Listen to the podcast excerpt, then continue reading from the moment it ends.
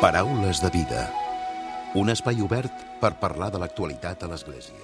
Què tal? Salutacions i molt bon dia, molt bon diumenge. Avui el Paraules de Vida torna després d'un parèntesi durant aquestes primeres setmanes de confinament. Això sí, tornem tot i que estem confinats.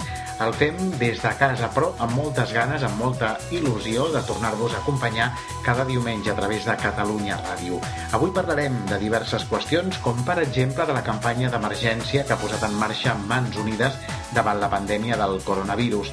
El lema és que la teva solidaritat no s'aturi a les nostres fronteres i és que aquesta pandèmia afecta a tot el planeta i tot i que afecta a tot arreu, hi ha molts llocs on l'impacte és molt més agressiu, sobretot en aquelles societats més vulnerables i castigades per la pobresa. En parlarem de seguida i ho farem amb la nova delegada de Mans Unides a Barcelona, amb la Mireia Angerri. I avui també parlarem del suport espiritual que l'Església, a través dels seus capellans, donen als malalts de la Covid-19. El testimoni que us presentem és el de mossèn Malció Trèmols. Ell és el responsable de la Pastoral de Salut a l'Hospital de la Santa Creu i Sant Pau i aquests dies de pandèmia acompanya espiritualment a totes aquelles persones que així ho volen. I com sempre, a la recta final del programa arribarà un nou comentari de l'actualitat de Francesc Romeu. Comencem el primer Paraules de Vida des del confinament.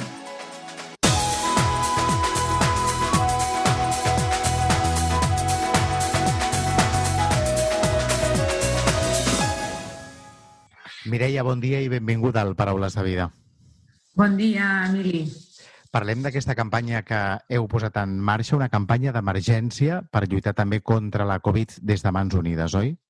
Sí, eh, en un moment de crisi eh, global com el que estem vivint, eh, no podem oblidar-nos dels més desfavorits, que sempre són els que més pateixen les conseqüències de qualsevol crisi. I aquesta pandèmia eh, és una crisi sanitària per ells, però és una crisi de subsistència.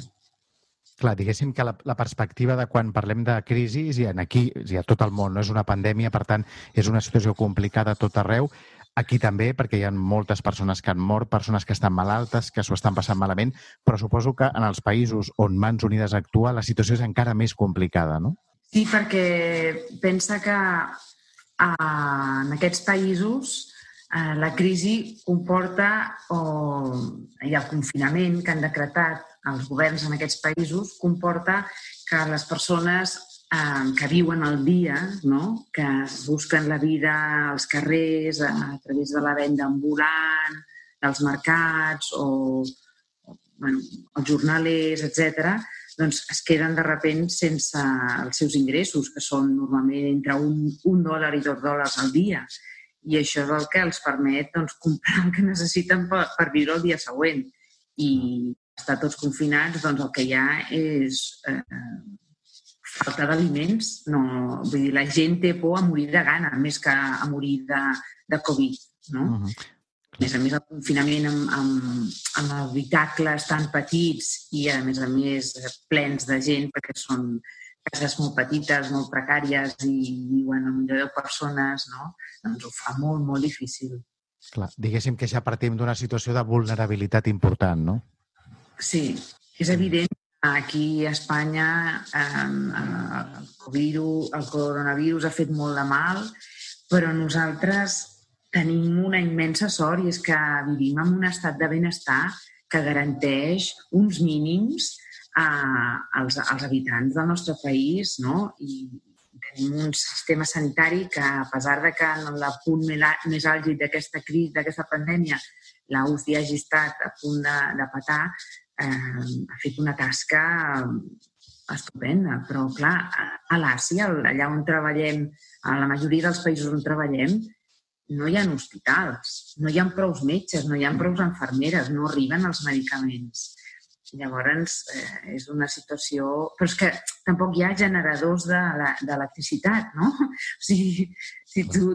Vull un, un respirador, però és que saps que se te n'anirà la llum eh, quatre i cinc cops al dia. És, és, és el més normal, no? Clar. Eh, ens van dir, me'n recordo al principi de tot, el més important que heu de fer és rentar-vos les mans amb aigua i sabó sovint. I jo vaig pensar, mare de Déu, aquesta gent si no tenen moltes vegades ni aigua potable ni molt menys sabó? És un bé de luxe, no? Vosaltres, des de Mans Unides, eh, heu posat gairebé una trentena de projectes en marxa des de, de, durant aquestes setmanes, oi?, de, que va esclatar, sí. esclatar la crisi. De fet, ja, ja, hem, ja hem superat les xifres perquè els projectes, les peticions ens, ve, ens arriben cada dia. Nosaltres tenim una comissió d'experts estudiant els projectes i eh, no podem dir que sí a tots, però si bé es va anunciar fa un parell de setmanes que havíem destinat 700.000 euros a una trentena de projectes, ara ja estem passats del milió d'euros, un milió 200 euros aproximadament, amb més de 50 projectes. Són projectes que mm, van a, quasi 50%, 50%, uns destinats a tot el tema sanitari, però encara més important, jo diria, tots els que és destinats a emergència directa d'aliments. És a dir, estem eh, comprant mm, aliments de primera necessitat per confeccionar lots amb arròs, patates, mongeta, oli i, i distribuir-los entre la gent que no té manera de, subs, de subsistir, no? Ah. En aquests lots també incloem eh, temes d'higiene com és el sabó o els gels eh, desinfectants. No, dir que, que Mans Unides no ha tingut mai la vocació d'ajudar en emergència, sinó que ha tingut sempre la inquietud i l'interès de treballar en projectes a mig i llarg termini, no? Però és que ara els nostres socis locals necessiten el nostre recolzament i ja no té sentit si nosaltres estàvem construint escoles, estàvem eh, construint hospitals, que a més a més ara s'han hagut d'aturar perquè el confinament ha aturat totes les obres, doncs no podem deixar que els nostres socis locals eh, vegin morir de fam els beneficiaris no? d'aquests projectes. Actueu a Amèrica, no? A Àfrica, sí. als diferents continents. Sí, nosaltres eh, treballem vora 60 països a tot el món, a l'Àfrica, a, a l'Àsia i a Amèrica Llatina. Uh, tal com està afectant la pandèmia del coronavirus, en quant a, en quant a país, en concret, únic país que està demanant més ajuda, eh, diríem que és la Índia. La Índia és un país molt gran, molt poblat, i que té un nombre important de, de de barriades al redador de les grans ciutats. Eh, aquestes barriades, amb un milió i mig d'habitants, dos milions d'habitants, estan patint moltíssim, moltíssim. I això repeteix a, diversos, eh, a diverses ciutats de la Índia. En quant a continents, el que estem ajudant més, amb diferència, és l'Àfrica. I ja no en un país concret, sinó a molts països. Camerún, Sierra Leona, Malawi, Mozambique, Uganda, Congo, molts països diferents. Kènia, Kènia també tenen el problema dels slums, de les barricades. Hi ha una mancança de, de sistema sanitari no? I, i una, una pobresa en general en aquests països que, que fa que, que necessitin més la nostra ajuda. Els països que més se n'estan sortint, però també estem ajudant, són els d'Amèrica Llatina. Mm, però també estem ajudant a Guatemala, Equador, Colòmbia. Uh, sé que Brasil és el país que més està patint la pandèmia, però no és un país estructuralment dels, dels que ajuda a Mans Unides perquè en teoria està millor. No? Uh -huh. Mireia, et volia preguntar, la resposta de la gent, dels vostres socis, col·laboradors, de gent que habitualment col·labora amb Mans Unides, com ha estat, però veient que de 30, de la nota de premsa que jo tinc, que deiu gairebé 30 projectes, parlem de 50 i parlem de més quantitat, suposo que la resposta és bona, no? Sí, sí, sí, la resposta és bona, però, però també és veritat que la gent aquí al país eh, encara està molt assustada i, i, molt sensible pel que li passa al veí, no? Que, I és normal, és, és, és humà, però mm, malgrat, malgrat una, una cosa bona que té la pandèmia és que ha despertat una mica en tots eh, la solidaritat, no? les ganes d'ajudar els, els que... Com que tots ens hem tornat vulnerables de repent, no? t'has posat a la pell del, del qui ho és sempre o molt més sovint que tu. I això ens ha fet eh, treure la nostra generositat. Clar, la, la generositat quan parlem de persones que estan més lluny és més difícil, però jo no deixo de demanar perquè és veritat que amb 50 euros o amb 20 euros que envies allà pots fer moltes més coses de les que podem fer aquí. L'impacte és molt més gran, oi?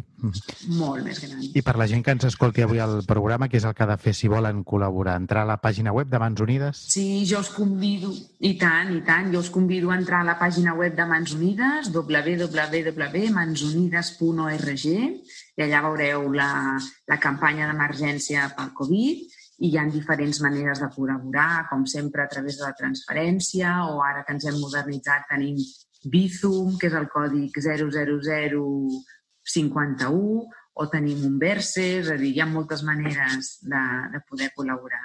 Uh -huh. I, I per això la campanya d'emergència de, del Covid hem dit que la, que la teva solidaritat traspassi fronteres, no? perquè nosaltres ajudem aquells països més empobrits arreu del món podem fer. Tots podem fer des de casa, podem fer moltes coses per ajudar-los. Uh -huh. Doncs, Mireia, ens ha acabat el temps, però això sí, d'aquí unes setmanes et tornarem a convidar també perquè puguem parlar més àmpliament de, dels projectes i de Mans Unides i els reptes que també afrontes tu com a delegada a Barcelona. Moltes gràcies, Emili. Paraules de vida amb Emili Pacheco. Mossèn Malció, bon dia i benvingut al Paraules de vida. Bon dia. Com porta el confinament? Bé, bastant bé, bastant bé. Mm -hmm. Els primers dies van ser una mica complicats perquè la novetat i tothom estava una mica neguitós i llavors eh, tots estàvem una mica descol·locats, no?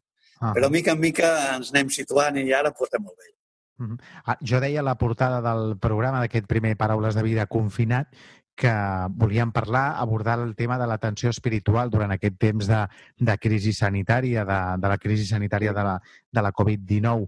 Vostè el que fa és aquest acompanyament espiritual als pacients que estan ingressats a l'Hospital de Sant Pau, oi?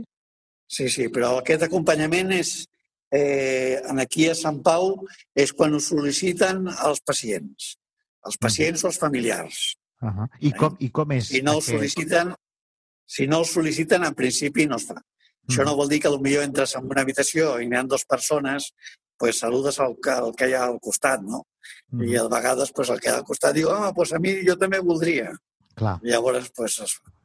Mm -hmm. Doncs parli'm una mica. Però no sé si... per iniciativa. Mm -hmm. No sé Perdó, si hi ha eh? molta, molta gent, molts pacients que sí que demanen aquest acompanyament. Mossèn Malció? Mira, en tot aquest temps jo hauré visitat una, cinquantena de persones, aproximadament. Uh -huh. No són masses, no. Uh -huh. Són pocs. Sí, sí. I com, com és aquest acompanyament? Com, què els hi explica o què els hi expliquen? Quins són els, les sensacions que, i sentiments que viuen en aquests moments?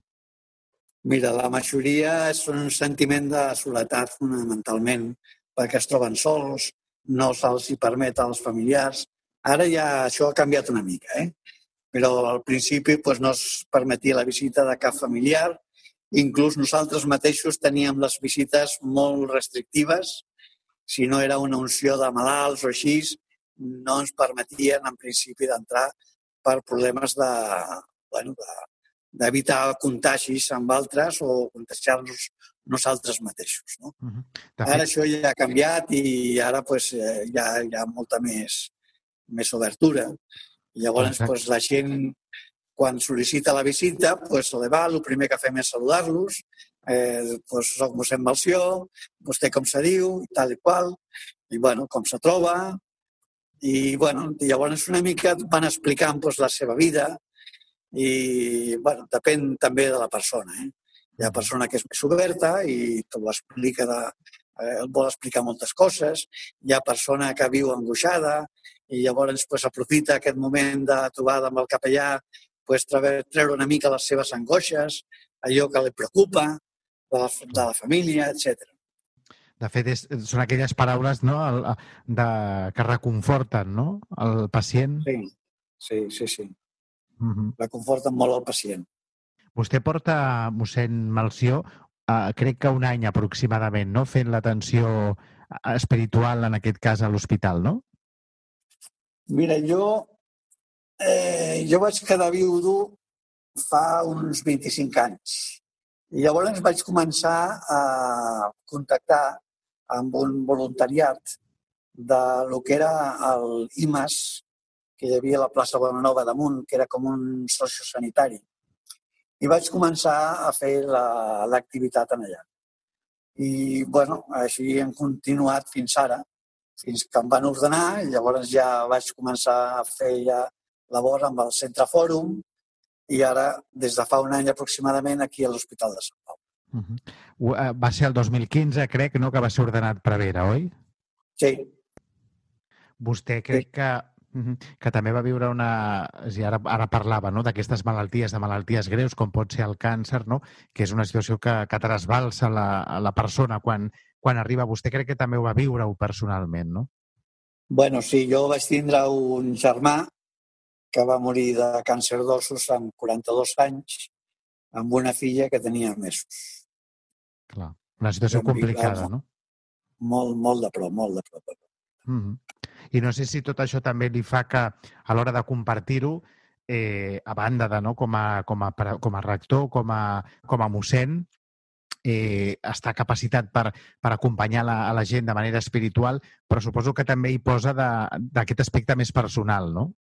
Sí, sí, sí. Moltes vegades la gent agraeix aquest aspecte més personal perquè et troben més proper, més, eh, que t'acostes més amb ells. No? Que empatitza més, no, potser? Sí, sí, sí. De mm. vegades sol parlar de la fe, així, de vegades tenim la imatge una mica d'un Déu que no sabem ben bé on està, no? I moltes vegades la gent es queixa, bueno, però on està Déu? Per què a mi? Per què em toca a mi? No tenim respostes màgiques. Clar. Ell mateix ha de trobar la resposta d'aquest Déu que l'estima i que està a prop Déu i que està patint amb ell. Però, clar, eh, ho ha de viure ell o ella. I és important, sí. mossèn Malció, que destaquem aquesta, aquest acompanyament espiritual en aquest temps de, de pandèmia, de crisi sanitària de, de la Covid-19, perquè potser no se n'ha fet massa ressò no? de, de gent que ha volgut eh, tenir aquest acompanyament i, en la mesura del possible, s'ha donat, oi? Pues sí, sí. Moltes vegades la gent no, no demana el servei religiós, no tant perquè no el vulgui, sinó perquè desconeix que existeix o en aquells moments eh, està tan preocupada amb la seva malaltia i com gestionar-la que no es planteja que pot haver-hi alguna persona que li pugui ajudar des de la mateixa estructura hospitalària. No? I de vegades pues, passes pel passeig, ah, escolti, mossèn, podria anar a veure el meu familiar, la meva mare, el... Clar. perquè no han caigut. Clar. Uh -huh. Doncs, mossèn Malció, no sé quin, quin seria el seu missatge per la gent que, que avui ens escolta en aquest primer Paraules de Vida confinat. I doncs això, que potser ho ha passat malament, persones que, que han tingut la malaltia o que no l'han tingut però que sí que viuen angoixades, quin seria el seu missatge per acabar?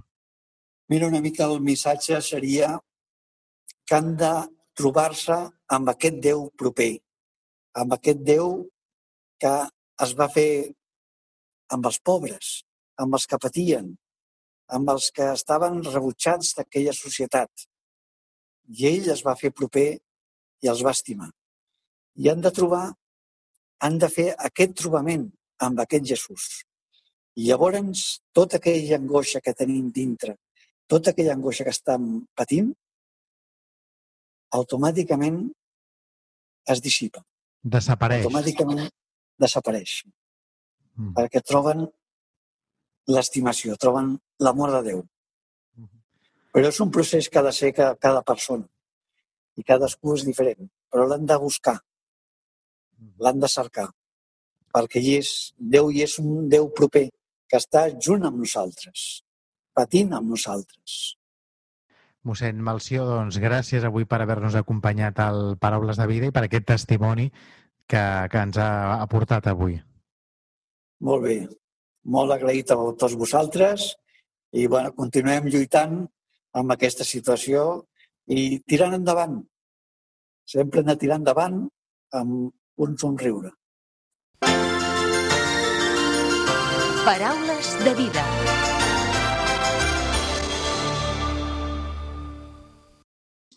Avui ja hem tingut el primer Paraules de vida confinat i també tenim, com sempre, a la recta final del programa, un nou comentari de l'actualitat de Francesc Romeu, confinat des del confinament. Francesc, bon dia i espero que estiguis molt bé.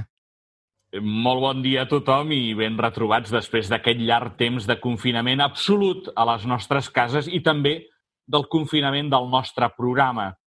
Diumenge vinent, 24 de maig, s'escau el cinquè aniversari de la publicació de la darrera encíclica del papa francès, titulada Laudato Si, recollint aquelles paraules de Sant Francesc en la seva pregària del Càntic de les Criatures, que comença justament dient això, lluats sigueu. Tothom ha reconegut el gran encert d'aquesta encíclica del papa francès pel que fa al seu contingut, inclosa ja dins del conjunt que anomenem la doctrina social de l'Església. Es tracta d'un text que, més que tancar-nos en els nostres propis debats doctrinals interns, més aviat ens obre a la preocupació pel món pel que fa el papa francès defineix com la casa comuna que hem de cuidar. Esdevenint, per tant, un text bàsic d'una església que no es vol tancar en si mateixa, sinó oberta i en sortida cap al món, tal com vol el papa francès. D'altra banda, és un text obert, que ens permet no només comentar-lo entre els creients, sinó que ens aboca a treballar socialment i políticament amb moltes altres persones d'ideologies molt diverses. Una de les entitats socials i d'església que més bé i millor han recollit l'esperit d'aquesta encíclica ha estat Justícia i Pau, que fins i tot ha creat un grup propi de treball coordinat que s'anomena Ecoparròquies. En motiu, doncs, d'aquest cinquè aniversari, Justícia i Pau aquesta setmana ha fet públic un manifest titulat Compromís amb una ecologia integral, que està signat per un bon nombre d'entitats i personalitats del nostre context social i religiós i que també està obert per tal que s'hi puguin adherir moltes altres persones i entitats. El text està dividit en dues parts, una primera de constatació i una segona molt més propositiva, resumida en un decàleg. El document comença expressant quatre motius. Diu, en solidaritat amb tots aquells que pateixen les greus conseqüències de la pandèmia mundial sobre la salut i sobre l'economia i que afecten especialment els col·lectius més vulnerables. Preocupats perquè en els darrers anys s'han agreujat els factors que porten al trencament dels equilibris que fan sostenible la Terra i són cada vegada més greus les conseqüències pels països i les comunitats més pobres del món. Preocupats perquè el nostre model de, des de desenvolupament depredador i el nostre estil de vida consumista generen greus i creixents perjudicis als ecosistemes i la biodiversitat, promouen exclusió social i provoquen un canvi climàtic que obliga poblacions senceres a marxar cap a altres territoris per motius de supervivència. Conscients que la crisi sanitària mundial que patim ha mostrat un cop més la profunda interdependència de la família humana i la necessària corresponsabilitat de tots en el destí de la humanitat i ens ha ofert una nova oportunitat per avançar en la construcció d'un món més just i més fratern. I passant ja a les propostes, jo només n'assenyalo cinc de les deu que hi ha.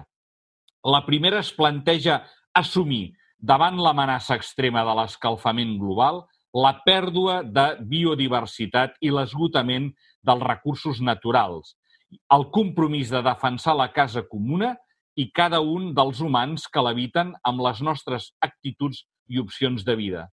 La segona proposta és reconèixer que no som els amos ni dominadors de la terra, autoritzats a expoliar-la, sinó que nosaltres mateixos som cridats a ser els seus gelosos cuidadors i cuidadores. La tercera planteja de promoure una ecologia integral, en la qual tot resta interconnectat, els éssers humans i tota la creació, perquè totes les criatures són fills i filles de la Terra i sobre ells alateja l'esperit de Déu.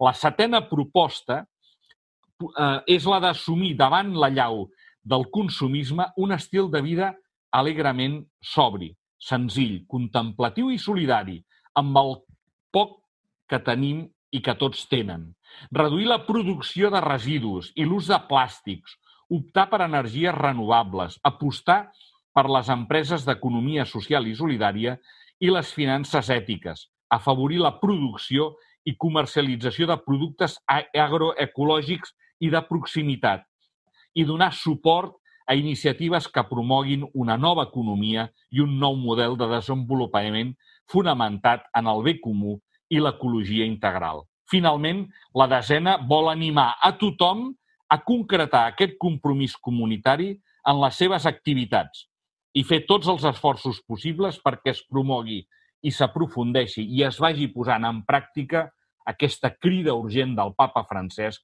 a una conversió ecològica integral. Molt bon diumenge a tothom.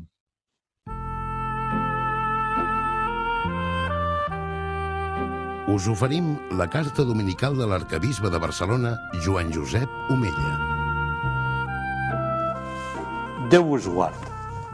El mes de maig és un mes popularment conegut com el mes de Maria. De segur que molts en tenim agradables records d'infància en família o a l'escola quan portàvem flors a la Mare de Déu. És un mes en què la venerem i la cuidem de manera especial i en la qual resar el Sant Rosari adquireix un valor profund. Aquest any, el papa Francesc ha escrit una carta en què ens emplaça a redescobrir la bellesa de resar el Rosari a casa.